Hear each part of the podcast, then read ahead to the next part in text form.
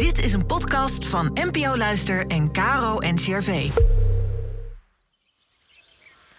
Welkom bij de Kloostercast, de podcast met antwoorden op alledaagse levensvragen vanuit de kloostertraditie. Inspiratie voor je dag.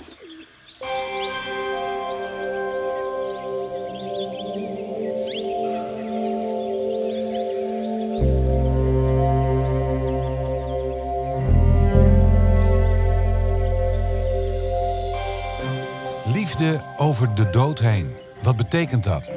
Margot van Veen maakt het mee en vertelt erover. Ze is geestelijk verzorger en lekendominicaan. Ze leeft volgens de regel van Augustinus.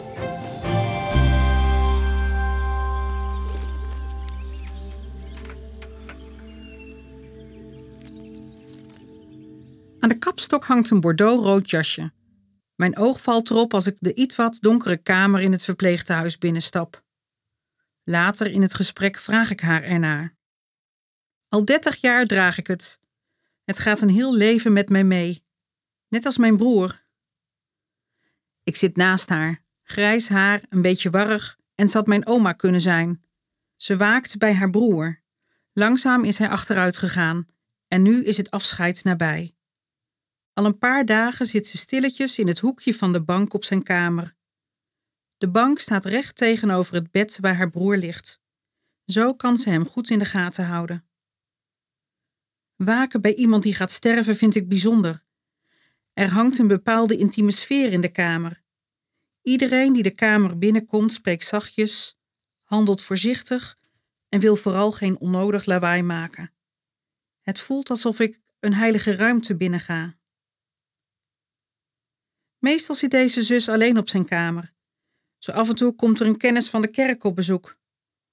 Ze zegt niet veel tegen de verzorging, vraagt niet veel en is stil aanwezig. Zo af en toe leest ze hardop een psalm uit de Bijbel. Zou hij het nog kunnen horen? vraagt ze zich af.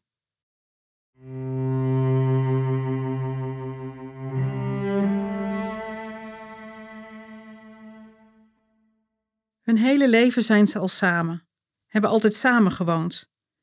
Eerst met haar moeder en sinds haar overlijden woonden ze er met z'n tweeën. Ze hadden overdag ieder hun eigen bezigheden, maar s'avonds aten ze samen.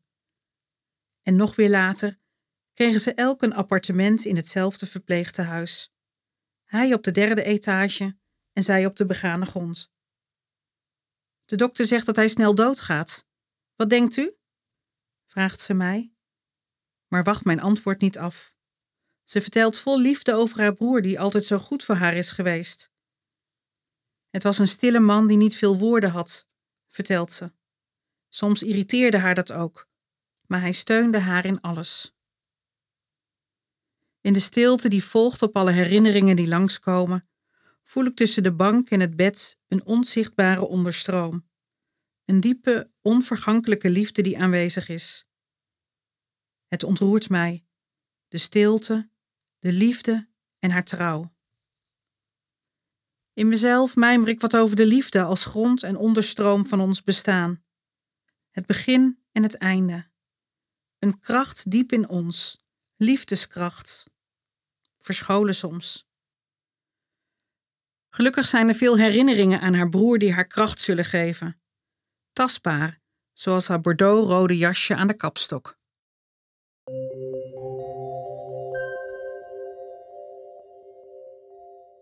Moet denken aan die prachtige tekst uit de Bijbel.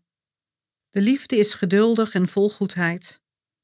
Alles verdraagt ze, alles gelooft ze, alles hoopt ze, in alles volhardt ze. De liefde zal nooit vergaan. Dit is wat blijft: geloof, hoop en liefde. Deze drie, maar de grootste daarvan is de liefde. Als ik later weer buiten sta, word ik opgenomen in de drukte en het geroezemoes van alle dag. Een groot contrast. Wat hoop ik dat ik iets van de onvoorwaardelijke liefde van de zus en broer mee kan nemen. Levend vanuit liefde. Een kracht die blijft. Dat liefde de grond is van wie we zijn. We hebben elkaar nodig, juist op die momenten dat het erop aankomt. Laat ons maar van liefde zingen. Laat ons maar de dood weerstaan. Laat ons maar elkaar omringen met de moed om door te gaan.